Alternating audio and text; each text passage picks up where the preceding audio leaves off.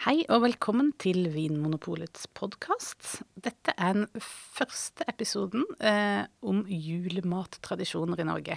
I denne episoden skal vi gå litt inn på tradisjoner og historie knytta til det hva vi spiser og drikker i jula. Vi skal eh, Vi skal snakke om tradisjoner. ja, Vi har jo laget episoder før som handler om eh, som valg av drikke til julemat, men det er liksom ikke hovedpoenget med denne episoden her. Nei, vi skal snakke litt om hva vi spiser, og hvor lenge vi har gjort det. Egentlig hvorfor vi spiser det vi gjør til jul. Ja. Og drikker, ikke minst. Ja.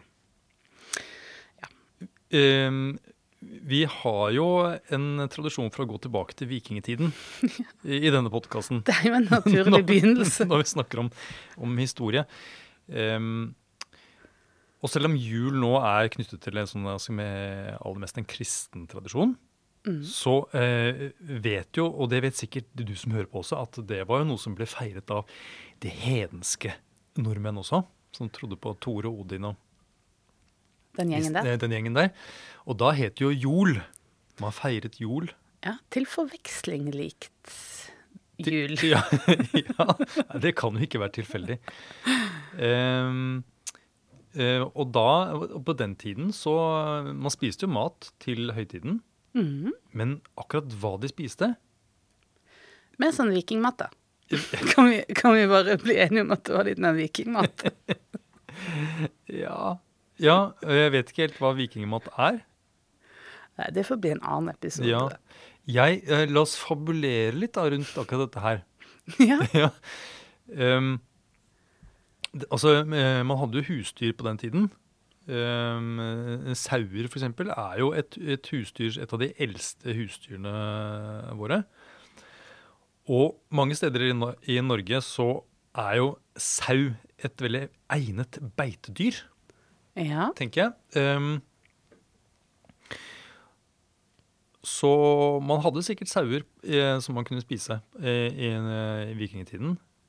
Men eh, problemet var jo det også å konservere det. Og ha, altså da, man kunne ikke, holde, altså man kunne ikke eh, regne med å ha ferskt kjøtt tilgjengelig.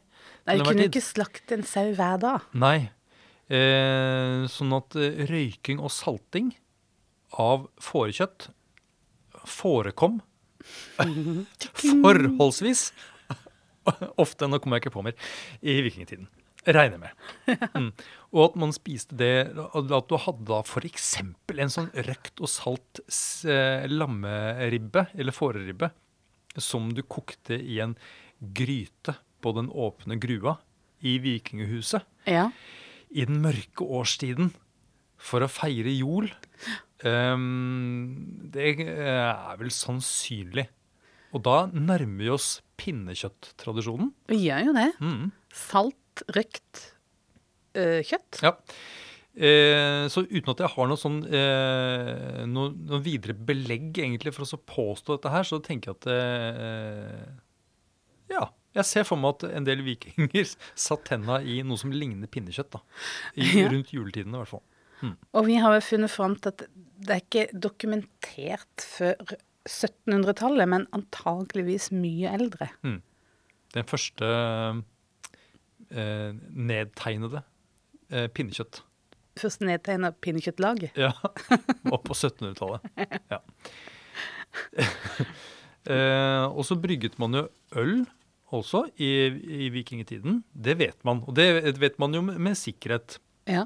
Fordi eh, det allerede på 800-tallet og før det også, så fantes det jo eh, en levende tradisjon for å brygge øl blant, blant vikinger. Og det var til og med eh, lover knyttet til det. Man skulle jo brygge øl, og man skulle samles for å drikke eh, øl. Og det ble eh, regnet for å være en hellig handling. ja, det er litt fint. da. Mm. En hedensk og hellig handling. Altså, det, er, det er både juss og det er religion inni i å drikke øl sammen. Ja, og sikkert nytelse og rus eh, her også. Eh, og en, eh, en gyllen anledning for oss å, å pleie bånd mellom, eh, mellom frender. Eh, det var det var et stykke mellom disse gårdene, kanskje? Ja, Ja. Så naboer, liksom. Ja, ja, ja. Da skulle alle ha med en, en viss andel øl selv, da. Tror jeg også. Ja, Så du sikrer at ikke noen kom uten noe? Ja, ja jeg tror det, altså. Og, og så ble jo denne loven den ble etter hvert også i, i, en, tegnet ned i Altså en, en annen versjon, da, men som gikk mye av det samme, var da i Gulatingloven. Som også beskrev det at eh, man skulle brygge øl til jul. Men da var det jo innenfor en kristen tradisjon. Mm. Fremdeles en hellig handling, da. Ja. Så fra å være en handling som skulle hedre Thor og Odin, så eh, skrev da Gulatingloven at eh, man skulle hedre eh, Jesus og Maria. Jesus og Maria, ja. Nettopp. De, kanskje de to mest kjente. Kom du ikke på hva de het? ja. De, ja. Det er jo en, eh, det er jo en veldig, en ganske smooth overgang, egentlig. ja. Eh, Tor Odin, eh, Jesus og Maria. Det er lett å huske, liksom. Mm. Så man fortsatte med øl. Eh, og, og Og vi vet jo også dette eh, på primstaven. Vi, vi kan jo koble dette mye til jula. At den her juletradisjonen med juleøl er jo eldgammel. Og, og det vet vi også fra primstaven, at den første juledagen, altså ikke dagen etter julaften, men første dagen av jula, som vi kanskje nå kaller advent, det er eh, merka på primstaven med et lite ølhorn. Mm. Og, og så den 20. dag jul, Ja, som er siste siste juledagen. juledagen, eh, den er merket da med en, et sånt ølhorn som er snudd opp ned. Da er det tomt. Ja, eller da burde det være tomt. Ja. Eh, så man liksom skulle, Dette ølet man da brygget før jul, det, det var ikke ment å vare liksom til sommeren. Det var for å drikkes eh, i løpet av denne juletiden, da. Og sånn var det jo. Altså, man hadde jo ikke flasker å tappe ølet på. Eh, du hadde kanskje beholder av tre da, som du hadde ølet på, og ølet holdt seg heller ikke så, så godt. Det var jo de, Etter hvert som det ble varmere i været og våren kom, så kom det sikkert infeksjon og sånt med ølet. Så det gjaldt jo liksom Dette ølet var ferskvare. Og det tok jo ikke mer enn rundt en uke eller to egentlig fra du satt dette ølet til det var ferdig. Så selve brygging av juleølet eh, skjedde da eh, omtrent to til tre uker da før jul. Og det passer veldig godt med at kornet er da høsta på høsten. Ja. Mm. Så det er jo en sesong, eh, sesongbetont drikk. Det er sant.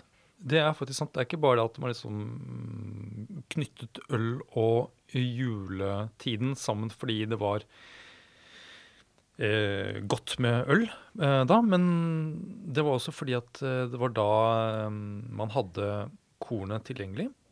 Eh, og så var det jo lettere å få en, en sunn gjæring på den kalde årstiden. På sommeren så, så ble det nok eh, raskere både eddik- og melkesyreproduksjon. Så det hadde man erfart at skulle man brygge godt øl, så måtte dette skje på vinteren. Og det var jo da man gjerne hadde tid til å sysle, for å bruke et sånt litt gammelt uttrykk. Et vikinguttrykk. ja. Eh, Det var jo da man hadde tid til å holde på med andre, andre ting. Eh, For ellers så var man vel ute på, ute på jorda og, I og tok opp stein, jeg for meg at man gjorde. Ja. Så da har vi egentlig funn, fått et ganske godt bilde av hva vikingene satt og koste seg med i, jula. Ja. Men vi har jo noen andre store, sterke eh, tradisjoner for eh, matretter og egentlig drikke i jula òg. For eksempel da skal vi ta lutefisken. Mm. Den er jo også eh, et eksempel på en sånn type konservert råvare, ja. Ikke sant? Mm. En, eh, det, er nesten eh, det er nesten magi, vil jeg si. ja, kan du utdype det litt? En magisk rett. Ja, du er veldig fan av lutefisk. Ja, det er, men det er et eller annet med denne mm, Den er eh, i en sånn mellomposisjon mellom mat og ikke-mat. Ja. Ja. En sånn eh, transcendental versjon av, av fisk. Ja, Og- for du og nesten, tenker og nesten sånn at den er, sånn, at den er en sånn nær, nær ikke-matopplevelse. Eh, før den på en måte vender tilbake igjen til maten. Altså den, den, eh, den, på en måte, det, er, det er jo fersk fisk. Den blir til tørrfisk. Så lutes den. den brytes ned. Ja. Eh, og er jo egentlig da uspiselig. Og så skal den vannes ut, og så må den saltes igjen. Eh, for det på en måte nesten må bringe den eh, tilbake igjen til live og tilbake igjen til den måte opprinnelige fisketeksturen og eh, Ah, er- Skjønner du hva jeg mener? Ja, den er gjenoppstått. det er en fisk Ja! Det er jo egentlig nydelig sagt, og det passer veldig godt sånn med, med, med jul, egentlig. At det er en fisk som har gjenoppstått fra de døde. Ja, det er ikke påskemat.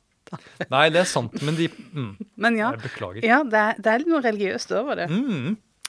Mm. Eh, Men den har vi ikke eh, Den har vi sikre nedtegnelser fra 1500-tallet, så den er fremdeles en eh, eldgammel rett, for å si det sånn. Ja. Og, og det er vel grunn til å tro at den nå kanskje er litt eldre. Nå er jeg litt usikker på akkurat hva, hva som kom først. Men vi vet jo at potet kom jo ikke før seinere, kanskje på 1800-tallet her til Norge. Men lutefisken er, altså, er jo da egentlig beviselig eh, i hvert fall like gammel som pinnekjøtt, og, og kanskje eldre. Ja. Og så vet vi også at rakfisk, som egentlig ikke er jo regnet, den er jo ikke regnet som en sånn en julekveldsrett, men Nei. den er jo eh, eh, Den blir jo spist gjerne rundt juletider, da. Den er jo eh, den er først beskrevet på 1400-tallet, faktisk. Ja. Enda eldre enn en, en eh, lutefisken. Vi må jo bare regne med at eh, ting som har blitt beskrevet skriftlig, Mm. har jo sikkert eh, levd i kulturen eh, En stund før det. før det også. Vi bare vet ikke hvor lenge. Nettopp. Men eh, eh, det som er litt interessant, da, at det som flest folk spiser på julaften her til lands, er jo ribbe. Mm. Eh, men den er jo ikke Det er en relativt ny eh, juletradisjon. Og noe av det er jo fordi at det er fersk Det er jo ferskvare, det er ferskt kjøtt. Og det er eh, ferskt kjøtt som er stekt i en ovn. Mm. Så her er det jo flere ting som må være på plass, som vi ikke hadde på vikingenes tid. Nei, og denne, og denne ovnen eh, Og det er jo lett å liksom eh, ta ting for, eh, for gitt. Eh, og tenke at eh, ovn og støvsuger og, og sånt nå hadde man for, for lenge, lenge siden også. Men eh, altså, eh, de første støpejernsovnene til sånt hjemlig bruk, de dukket opp på slutten av 1800-tallet. Ja. Så en relativt eh, mm, ung tradisjon, Ja, hvis vi ser uh, i vikingtidsperspektiv, da. Ja, over Langen så er ikke ribba en, en lang tradisjon. Den er, skal vi si, liksom fra nesten århundreskiftet. Altså mm, overgangen 18 til 1900. Mm Eh, da er eh, liksom ribba virkelig etablert. Den kom jo, altså en, eh, Ja.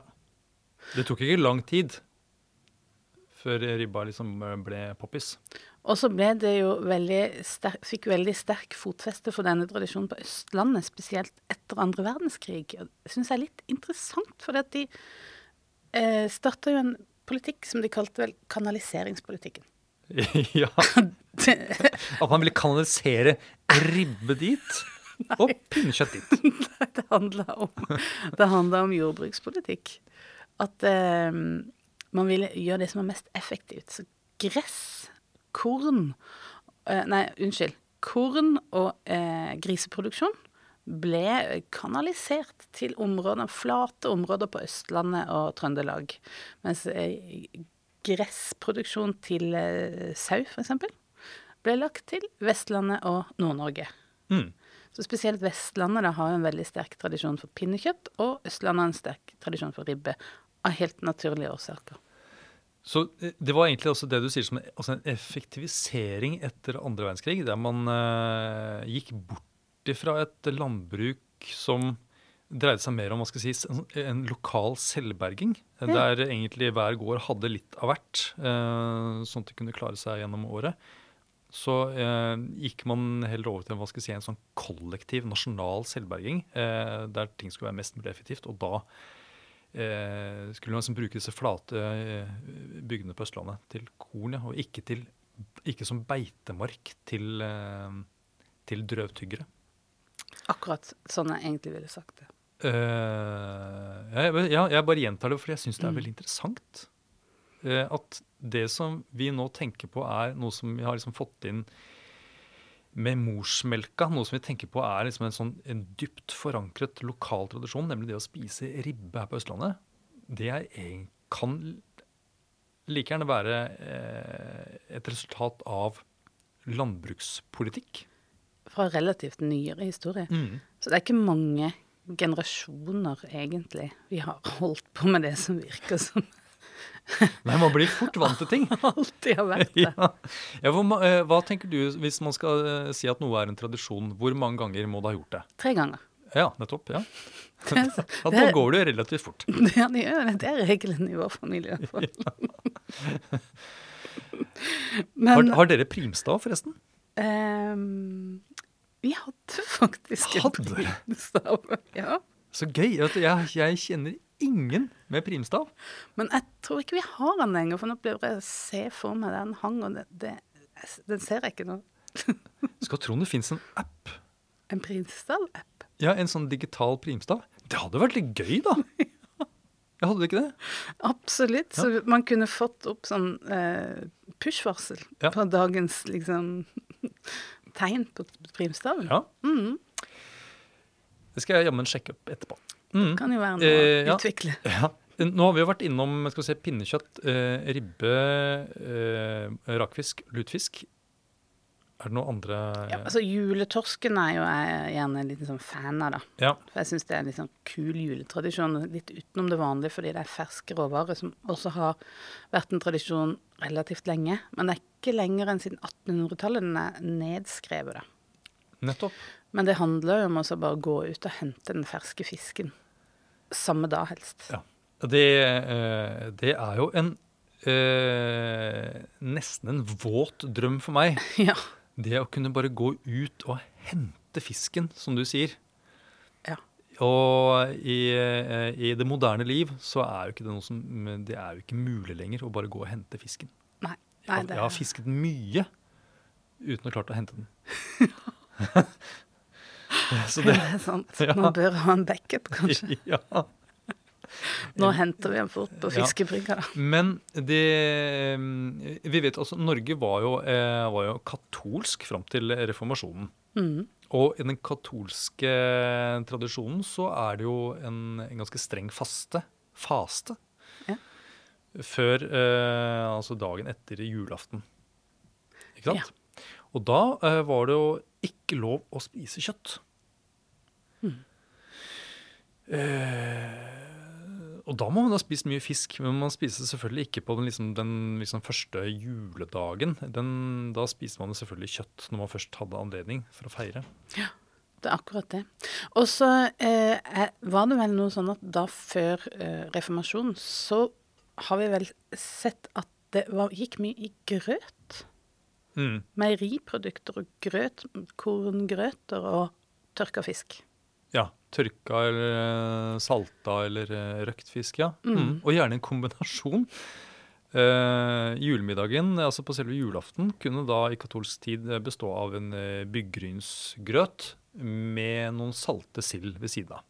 Mm. Og da var det stemning i, i, i stua. Da senka julefreden seg. ja. Men eh, en viktig pilar for mange i eh, julefeiringa er jo akevitten. Juleakevitten. Og det er jo egentlig en eh, veldig ny tradisjon. Den har jo ikke eh, Altså, vi har jo ikke hatt destillering eh, før Altså, det er jo en relativt ny oppfinnelse. Relativt Nå er jeg litt sånn usikker på akkurat når den kom, men eh, vi begynte vel å finne fram til noe sånn rundt sånn 1500-1600-tallet. Ja, vi eh, destillerte nok før. Altså, eh, araberne faktisk eh, hadde jo faktisk oppdaget destillasjonskunsten. Og tok med seg den når de bl.a. invaderte den iberiske halvøy, f.eks. Ja. Så at, at dette har vært noe man har vært klar over i Europa i, i lang tid. Ja. det var en sånn side På en måte bieffekt av alkymismen, var det ikke det? De Mm. prøvde egentlig å, å lage gull.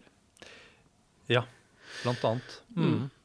Men eh, den første, eh, de første destillatene ble jo egentlig lagd som medisin. Det handler om eh, medisin og urteuttrekk og, og alkoholoppløselige stoffer for, å, for, å, få en medisinsk effekt. Og nå, og nå sitter jeg og ler litt. for det er en selvmotsigelse, kanskje? Nei, men jeg, jeg, jeg tenker at uh, Folk tenkte at uh, Åh, det smakte litt vondt, men det, var, men det, gjør litt godt også, kjenner jeg. Eh, jeg blir litt sånn litt rar i toppen. Og så har man lyst på, eh, lyst på en dram, og så det da liksom, passer det fint å kalle det for en medisin. Ja, absolutt. Eh, og, og jeg har sett eh, nedtegnelser, holdt jeg på å si, eh, som tyder på at det med liksom, den medisinske effekten den har man nok på en måte brukt som unnskyldning, eh, kanskje til og med ennå. Men eh, at den ble først overtatt av den nytelses, ble først et nytelsesprodukt på 1800-tallet en gang, da, eh, da, det kom sukker til Europa. Raffinert sukker, og du kunne lage mer eh, brennevin. Altså du hadde mer, eh, mer av det. Aha. Men man lagde vel hva skal jeg si, brennevin basert på, på en vinbase for dette også? Eh, jo, jeg men, ut, men utbredelsen av brennevin var kanskje ikke så stor? Og det at du fikk kanskje tilsatt litt sukker i brennevinet så ikke det ble så rått. Ah, jeg tror det handler om å dekke over litt fusel også. Ja. Og det inntok hoffene. Ja. De europeiske hoff. Og da er det jo Da er mye gjort. Da er mye gjort. Mm. Da har du gjort suksess. Ja. Eh, men for å eh, ta dette her med destillering og hvordan, eh, hvilken posisjon det har hatt da, i de norske hjem Ja. Så, for du sier at det, altså, som nytelsesmiddel så er vi da, da må vi inn på 1800-tallet. Ja. Men at brennevin har vært drukket, og la oss kalle det av medisinske grunner, før det, det vet vi. Og eh, hjemmebrenning jeg vet ikke akkurat når hjemmebrenning når, når, vi begynte med det, men det var, hjemmebrenning var noe folk holdt på med eh, før 1700-tallet. Eh, det må vi ja. si. Mm. Fordi det kom altså da et forbud mot hjemmebrenning i eh, var, det, var, det, 1759? Eller noe der omkring. Det var i hvert fall sånn, et godt stykke ut til 1700-tallet. Da ble det et forbud mot eh, hjemmebrenning. Eh, men så eh, ble det åpnet for hjemmebrenning igjen på Tidlig 1800-tallet. Tidlig 1800-tallet. Eh, først i byene, og så eh, over hele landet. Mm. Eh, der var det vel sånn at du måtte faktisk eie eh, mark, altså jord. Du måtte være jordeier eh, for å kunne da brenne hjemme på 1800-tallet. Kanskje det viste noen form for ansvarlighet? Kan det ha vært noen sånn logikk? Kanskje, ja. Eh, og så tok det ikke mer enn type 40 år med dette frislippet før man strammet inn igjen. Men da ikke i form av et, et, et forbud, men eh, det man gjorde, at man eh, satte opp avgiftene veldig ja. på, eh, på, apparatet. Altså det du trengte av utstyr for å lage brennevinet, det ble da mye, mye dyrere å ha. da. Og da, da, ble det en mye større grad av profesjonalisering. Det altså man, eh, det å drive småskala eh, brenneri, det lønte seg ikke lenger eh, pga. avgiftene. Så du nevnte vel at i 1833 så var det 10 000 registrerte mm, det. Eh, brennerier i Norge. Mm. Eh, mens da bare i 1850, det er jo bare 13 år etterpå Ja, etter at av, dette avgiftssystemet kom på plass, så er de nede i 40 brennerier. Ja. Så da er de jo mye større. Ja. Men det er sikkert veldig mye eh, under, eh, under bordet her. Garantert. Og, jeg, og, det var vel ikke null hjemmebrentapparater i drift uh, under den første hva skal jeg si, forbudstiden. men at det, i løpet av disse, denne 40-årsperioden, der det var lov igjen, at det da ble registrert så mye som 10 000 destillerier eller brennerier i Norge. Det er jo ganske vilt. Og det var altså, jeg vet ikke akkurat hva som var befolkningen i Norge da, men vi var jo eh, vi var mye færre folk den gangen. Nettopp. Ja. Så det, det er mye. Men det som jeg syns på en måte utgangspunktet for hele denne episoden, er jo juletradisjoner. Ja, det er sant. Så roter oss borti ja. Og jeg kan ikke se noen link til jula i dette her. Og brennevin. Jul og brennevin. Det er ikke noe sånn Dette her er en helårsdrikk. Det var det som var på en måte foretrukne rusmidler. I tillegg til øl, da. Men det var mer en sånn måltidsdrikk, kanskje. Ja, Kanskje. Nå er jeg litt sånn eh, jo, men altså eh, Fordi altså eh, Brenning av brennevin eh, har man da holdt på med i, eh, fra liksom, et stykke før 1700-tallet. Eh, mens vi vet at det, liksom, det, første registrerte, i hvert fall eh, profesjonelle, altså bryggeriet, det var jo da i Oslo, og det var jo 1820. mm. Det, jeg er usikker på om det fantes bryggerier før den tiden, men altså mesteparten av ølbrygging før det eh, var knyttet til gårder, ikke sant? Ja. Og igjen en sesongproduksjon. Ikke noe du lagde året rundt, men noe du lagde først og fremst til jul. Så eh, øl var jo fram til liksom at, eh, at man begynte å kjøpe øl fra eh, profesjonelle bryggerier, så var jo øl et sesongprodukt, og da knyttet til, til jul. Mens brennevin, Mhm. det var jo noe man i mye større grad kunne produsere egentlig året rundt. Og det var jo, det holdt seg mye bedre. ja. Selvfølgelig. De blir jo ikke dårlig. Så du hadde en flaske stående? Ja.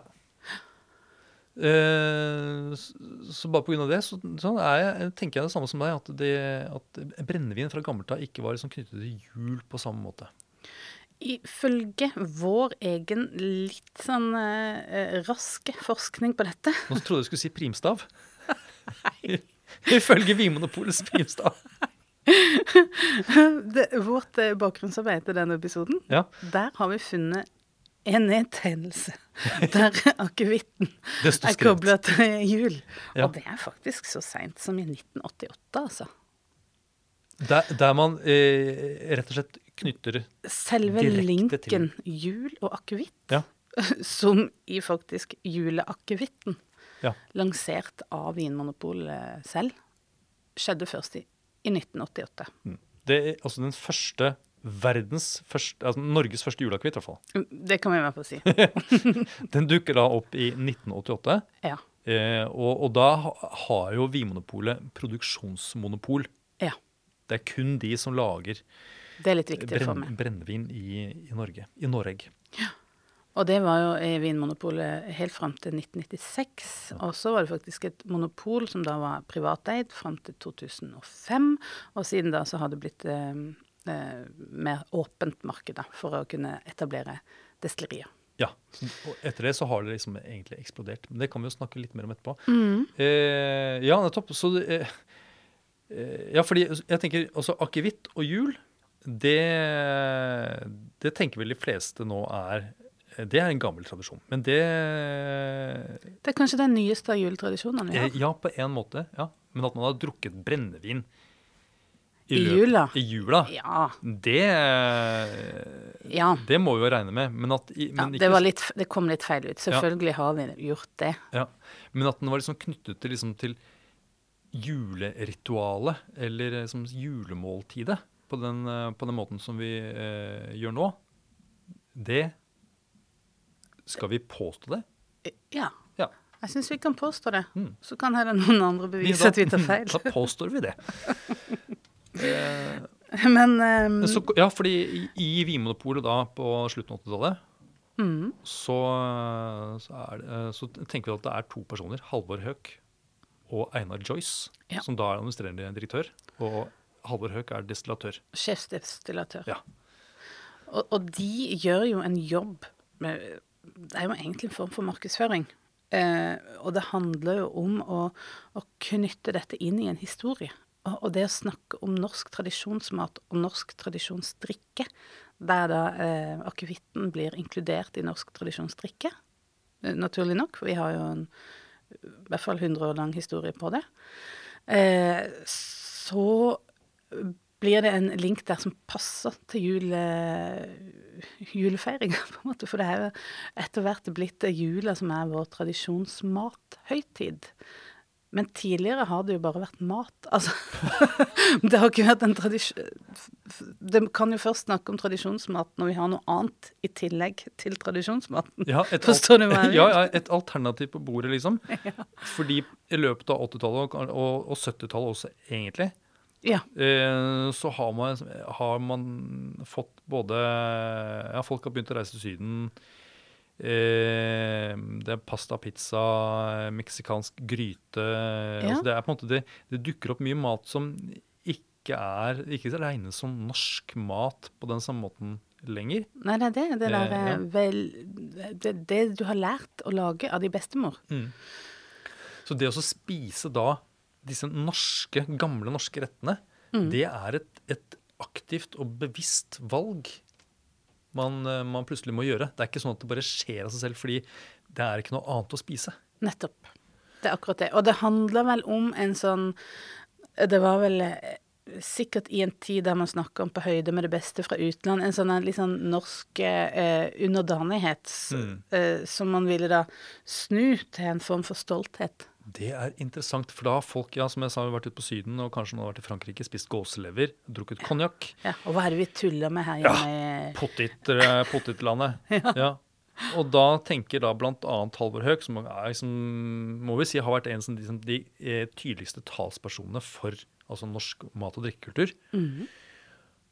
Han sa at dette her, vi har ingenting å skamme oss over. Nei. Eh, vi har mye god norsk mat, og vi har mye god norsk drikke. Og det tar vi fram i jula. Ja. Vår viktigste høytid. Så her, her ligger det mye Her ligger det mye egentlig eh, norsk selvbevissthet, Ja. føler jeg. Ja, og det er Ja, nettopp. Og, og det skjer altså da på slutten av 80-tallet. ja. Men ja, selvfølgelig Men han, har det altså, det var jo ikke sånn at man spiste annen type julemat før det, liksom 80-tallet. Det var jo det var ribbe og pinnekjøtt, og man hadde liksom disse tradisjonene. Men de også hadde den der bevisstgjøringen rundt altså eh, drikke og hele dette julematmåltidet, at man liksom knyttet det så tett opp til en norsk tradisjon. Ja. En form for nasjonalisme. Ja, men skal vi si med positivt fortegn? Jeg vil jo si det. Det handler om å så, eh, kunne liksom bygge en egen identitet. Ja. La oss Eh, si det, da. La oss si det. For eh, det er jo kanskje noe av det som er eh, Det som kjennetegner jula mest, er tradisjon. Altså, vi er utrolig tradisjonsbundne i jula. Og vi har vært det i lang tid. Og det er tegn til at også neste generasjon er like tradisjonsbundne som det vi er. Eh, vi har nemlig kikka litt på en undersøkelse fra Ipsos fra 2018. Sånn relativt ferske tall. Det er ikke grunn til å tro at det har skjedd noe så veldig mye siden den tid. Eh, og det, der viser det seg jo altså at det er ribbe og pinnekjøtt vi spiser. Vi har kanskje, det vi har gjort, er at jula har est ut litt. At den, eh, nå er det bare Jeg lurer på om det var 9 de sa, som venter med å spise julemat til selve julekvelden. Ja. Jeg syns 9 høres ganske mye ut. av. Jeg føler at alle spiser julemat hele tida, fra midten av november og, og ut, i, ut desember, i hvert fall. Mm. Så, men i løpet av denne juletida, da, eh, så har Altså, det er 81% av oss har spist av ribbe eh, i løpet av denne julemåneden. Den litt utvida julemåneden.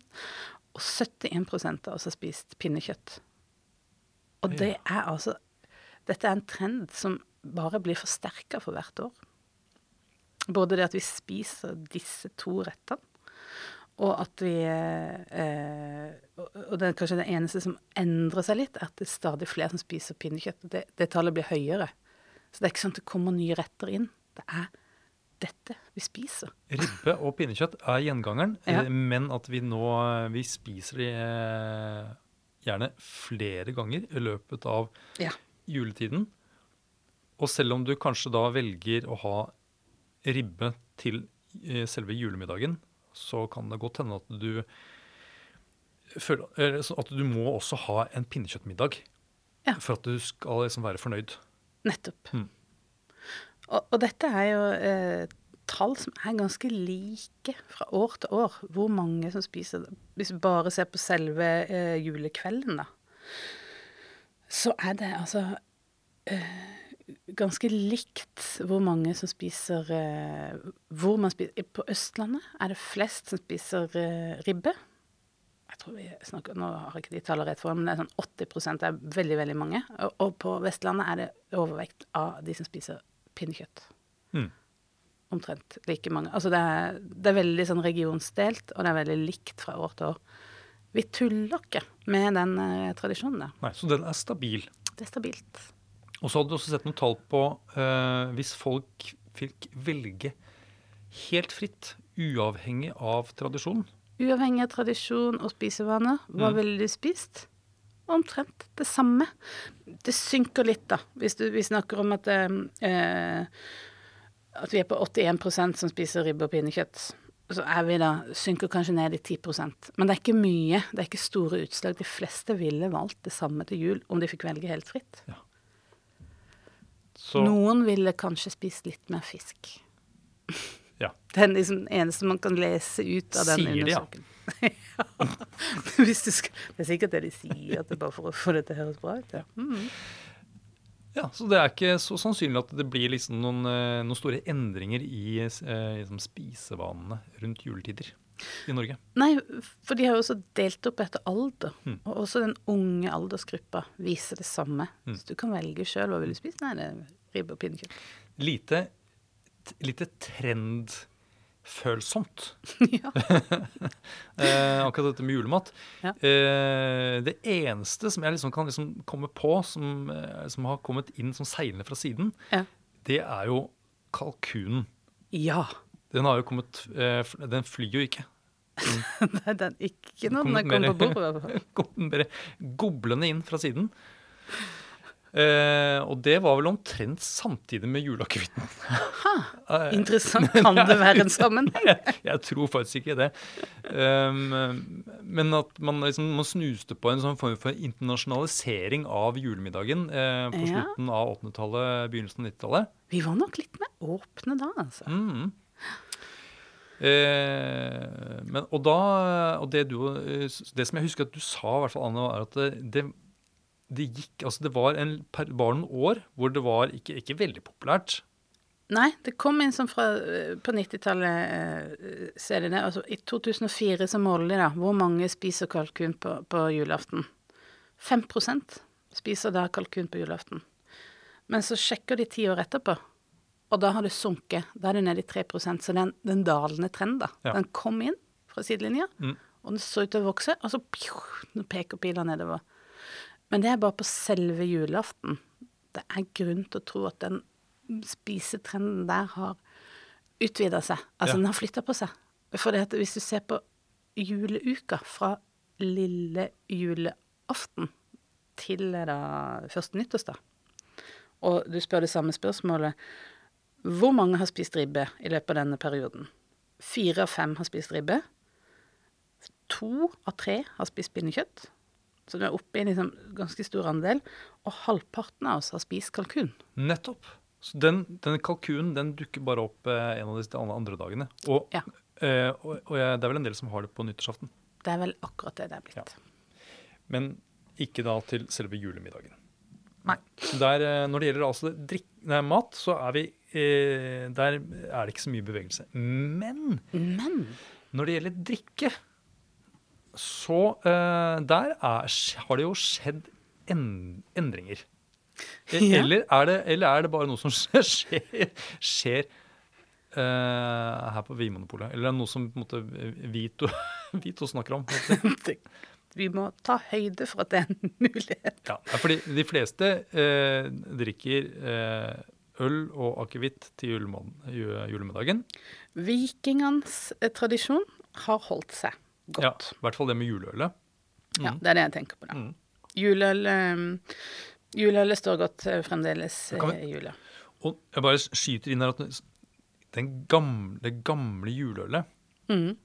det var jo da sannsynligvis et øl som var brygget med kveik, altså sånn derre uh, gårdsgjærkultur. Mhm. Um, og med malt som var, eh, var, som var tørket over, eh, over åpen ild, eller over, over glør, den hadde nok et røykpreg også. Ja. Mm. Og så var det vel kanskje noe sånn einer i eh, Godt brukt, eh, kan godt være at de brukte einerlåg også, ja. Så et, et øl som det var jo mørkt, og kan jo godt hende at det hadde, at det hadde noe sødme også. Kanskje litt syrlighet da? Kanskje eh, hint av noe syrlighet også, men eh, også et ganske fruktig øl, tenker jeg. Så sånn sett Og røyk. så er det ikke så likt det juleølet vi er på en måte blitt vant til. Nei. Som, det er fremdeles mørkt. Litt sånn krydra. Mm. Smaksrikt øl, da. Mm. Det fins jo noen norske bryggerier som brygger altså, litt mer sånn tradisjonelt øl med, med kveik nå. Og noen bruker også litt røyka malt. Ikke sant? Så i motsetning til slutten av 80-tallet, begynnelsen av 90-tallet, så ser vi nå litt mer bakover i historien. Mm. Det er i hvert fall en, en mulighet for oss å, å velge den typen øl også. Mm. Hvis du vil ha en sånn viking, eller en sånn eh, jul i gamle dager-middag. mm.